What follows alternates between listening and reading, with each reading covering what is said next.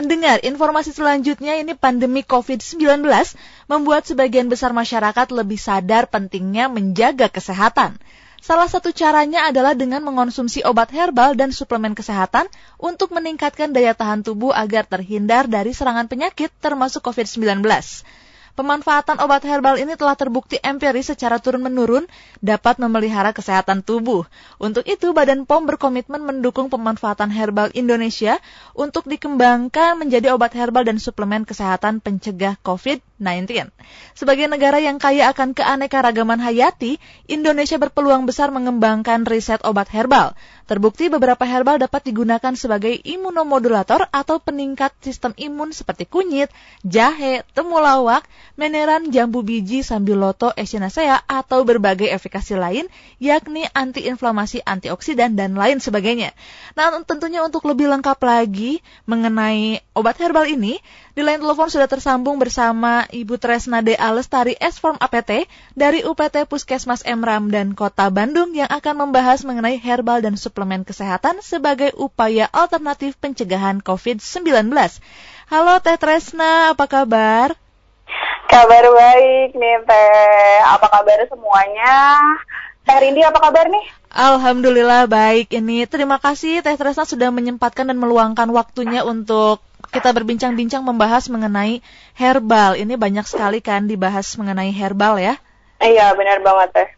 Teh Tresna, ini kan COVID-19 ini penyakit yang bisa menular ya Teh ya? Iya ini betul. jadi kayak orang-orang itu semuanya pada panik karena katanya bisa menular dengan mudah apalagi yang memiliki sistem imunnya yang rendah. Nah ini menurut Teh Teh nih, sistem imun seseorang itu penting ya? Sangat penting banget nih Teh. Sistem imun itu kan daya tahan tubuh sih sebenarnya uh, adalah suatu sistem kompleks yang terintegrasi dari sel jaringan, organ yang terlibat dalam mempertahankan tubuh terhadap serangan asing yang mengancam integritasnya. Nah, sistem imun ini memang penting untuk jangankan COVID ya teh ya, kayak penyakit iya, lainnya pun banget. Semuanya dijaga oleh sistem imun.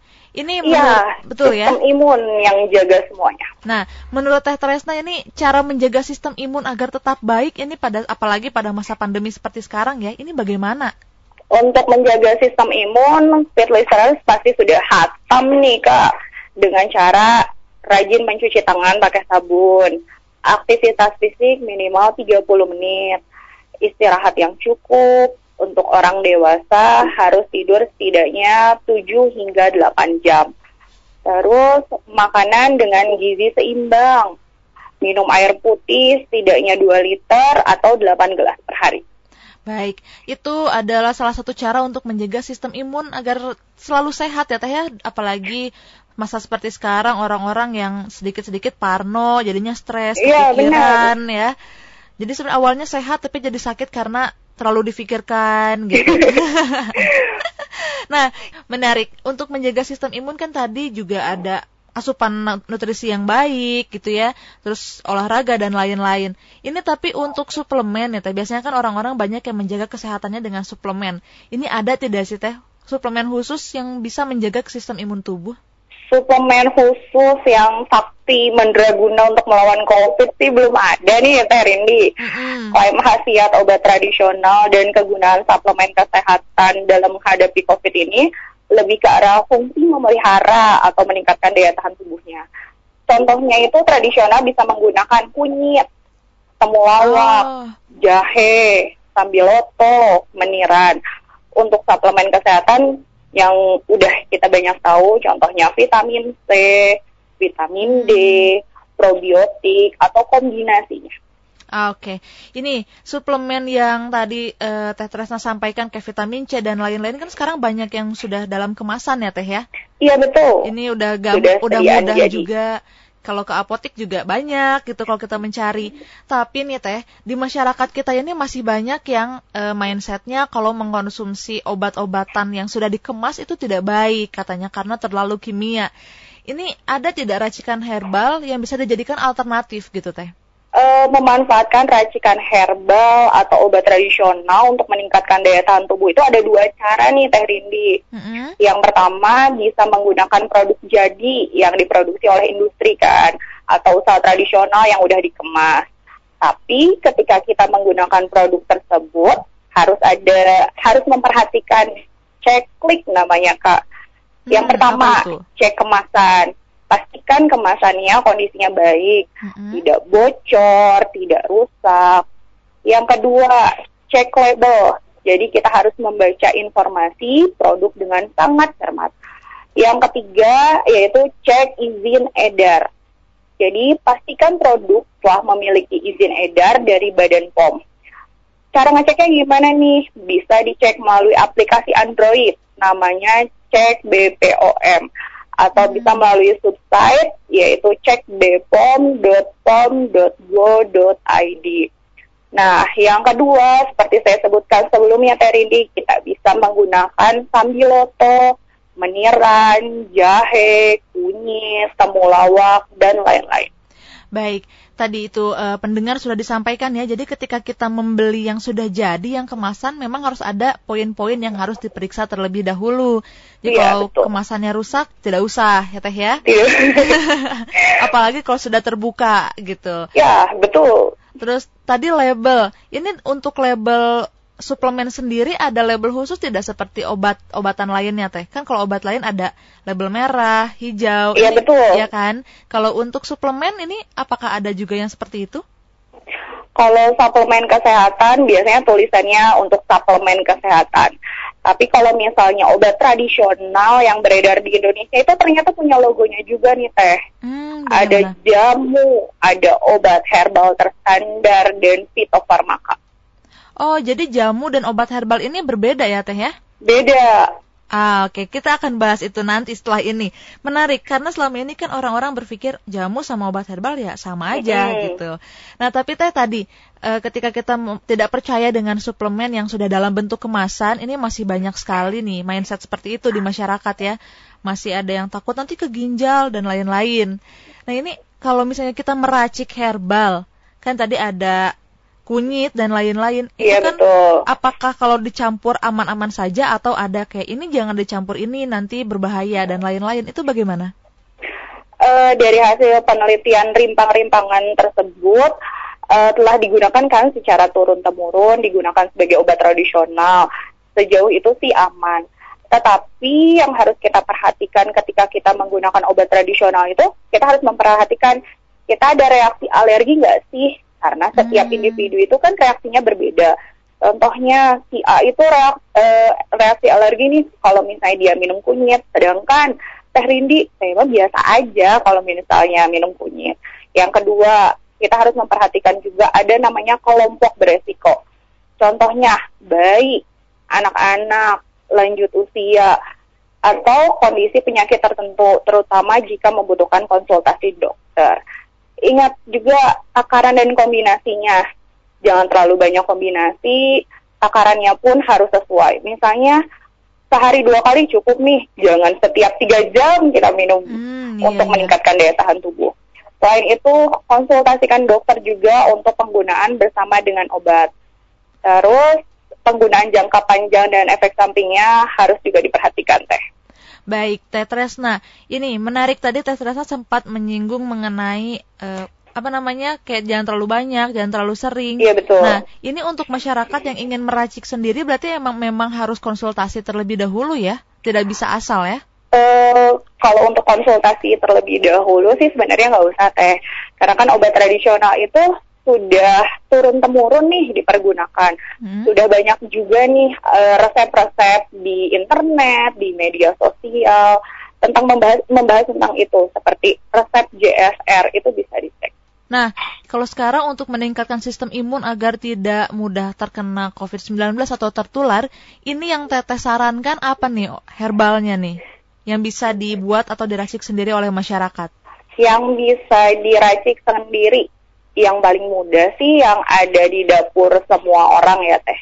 Kayak hmm. jahe bisa digeprek, ditambahkan madu untuk pemanisnya, terus pakai air panas itu bisa digunakan untuk meningkatkan sistem imun. Selain itu, kita juga bisa menggunakan serai digeprek, ditambahkan lemon sedikit, ditambahkan madu sebagai pemanis, terus dimasukkan uh, ditambahkan air panas itu bisa diminum juga. Selain itu ada jahe, kayu manis, cengkeh, ditambah gula aren, ditambah air itu juga enak banget teh. Saya jadi ngiler ya. Habis ini saya mau buat. Itu karena Bisa, mudah teh. sih. Bahan-bahannya juga banyak di warung ya. Tidak iya. perlu harus online atau misalnya tidak perlu susah-susah mencari jauh-jauh. Itu bahan-bahan yang sangat mudah didapatkan sebetulnya oleh masyarakat juga ya teh. Tapi iya betul banget teh. Ada tidak kondisi yang membuat seseorang tidak bisa mengkonsumsi racikan herbal ini, misalnya kayak penyakit khusus yang harus menjauhi racikan-racikan herbal yang tadi teteh sampaikan?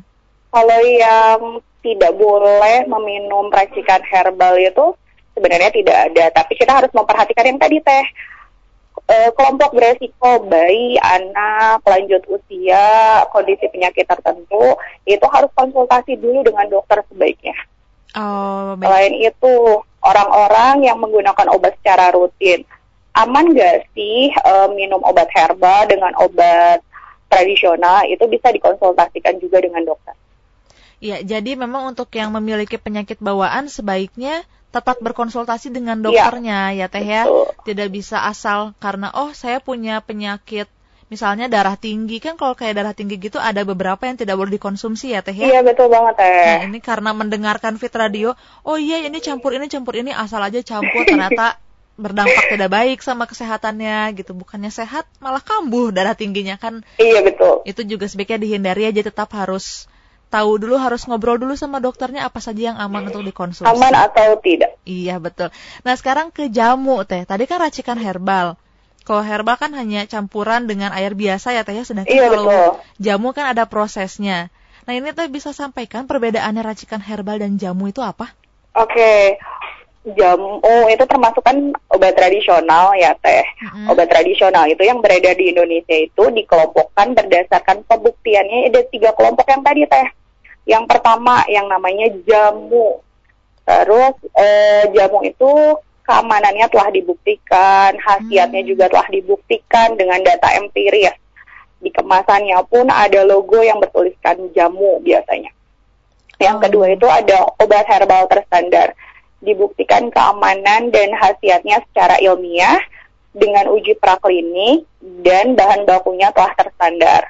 Biasanya di kemasannya pun bisa kita lihat nih ada tulisan obat herbal terstandar. Yang ketiga itu fitofarmaka teh namanya.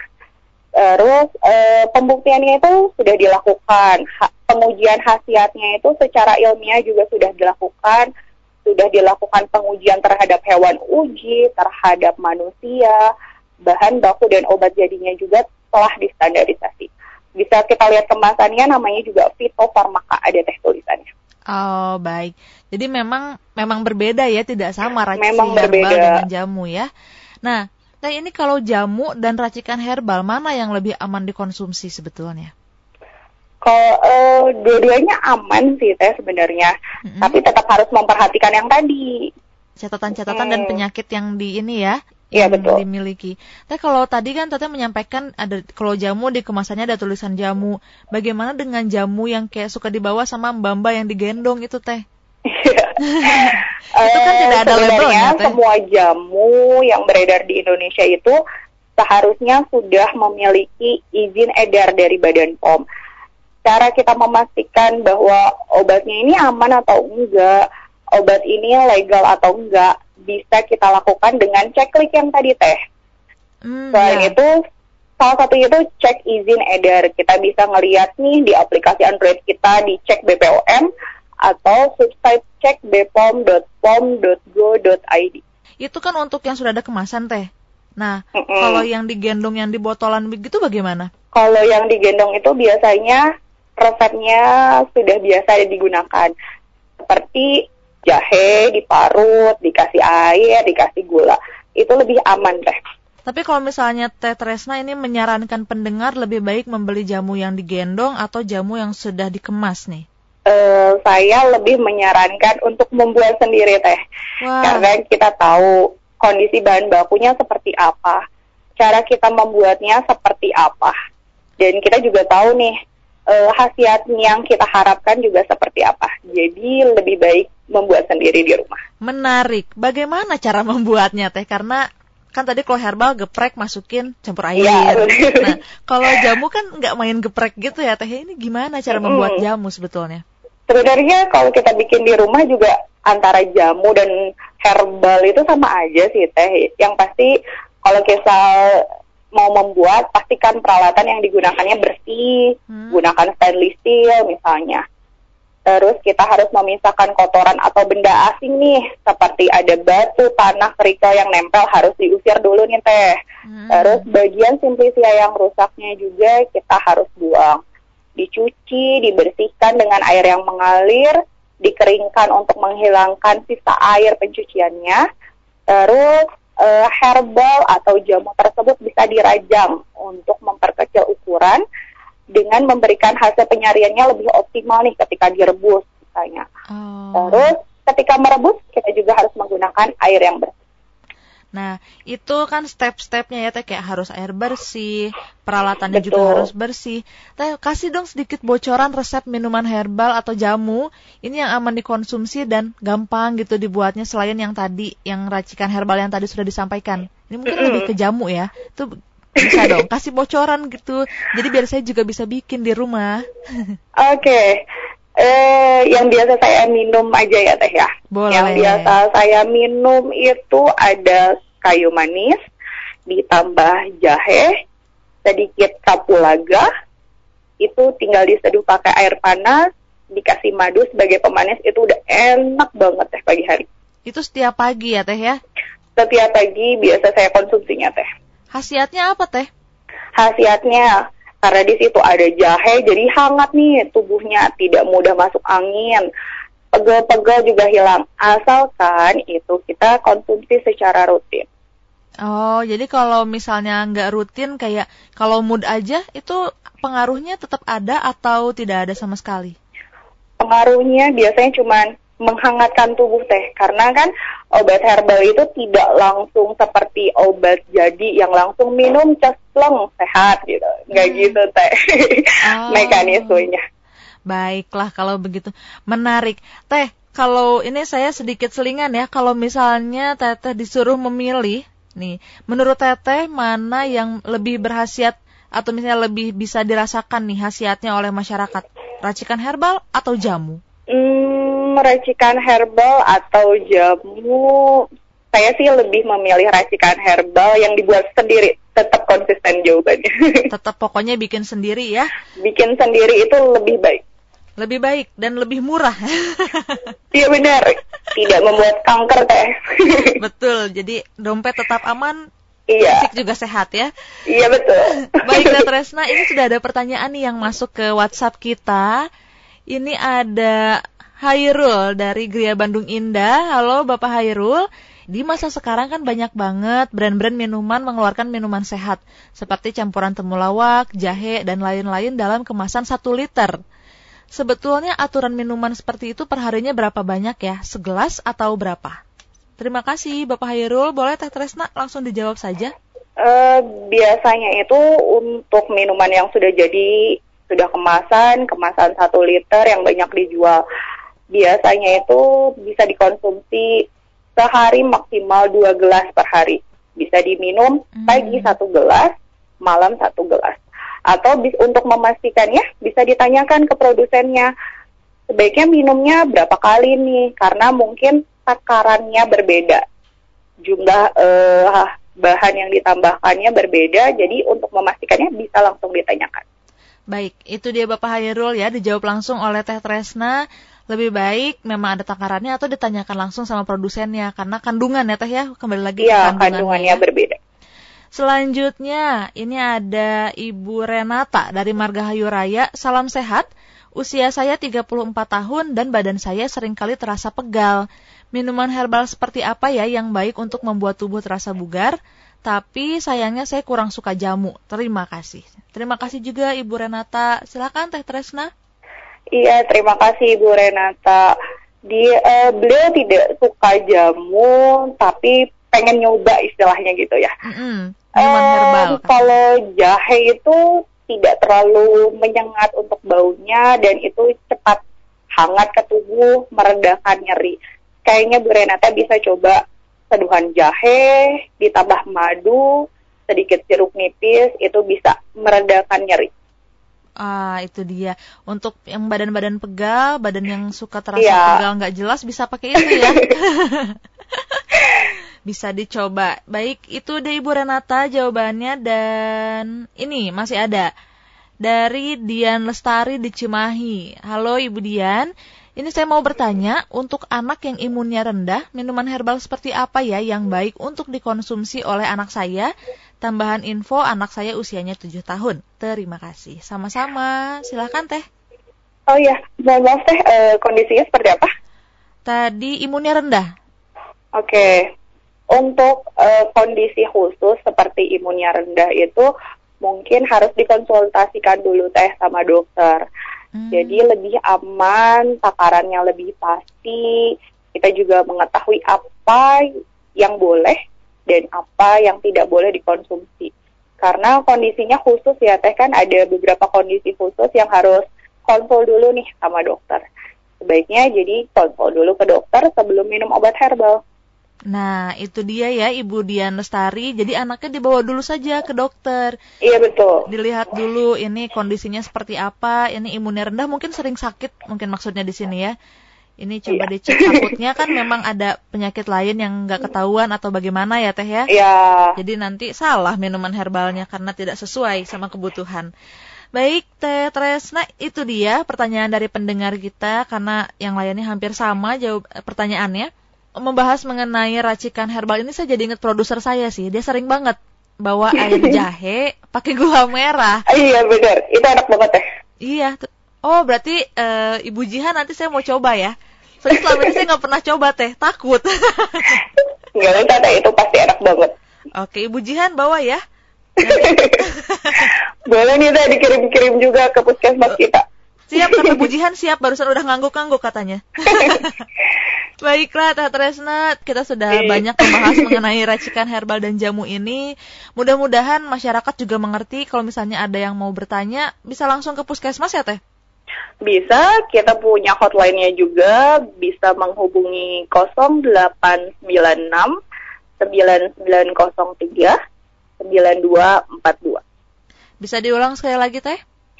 Hotline Puskesmas Muhammad Ramdan ada di 0896 9903 9242.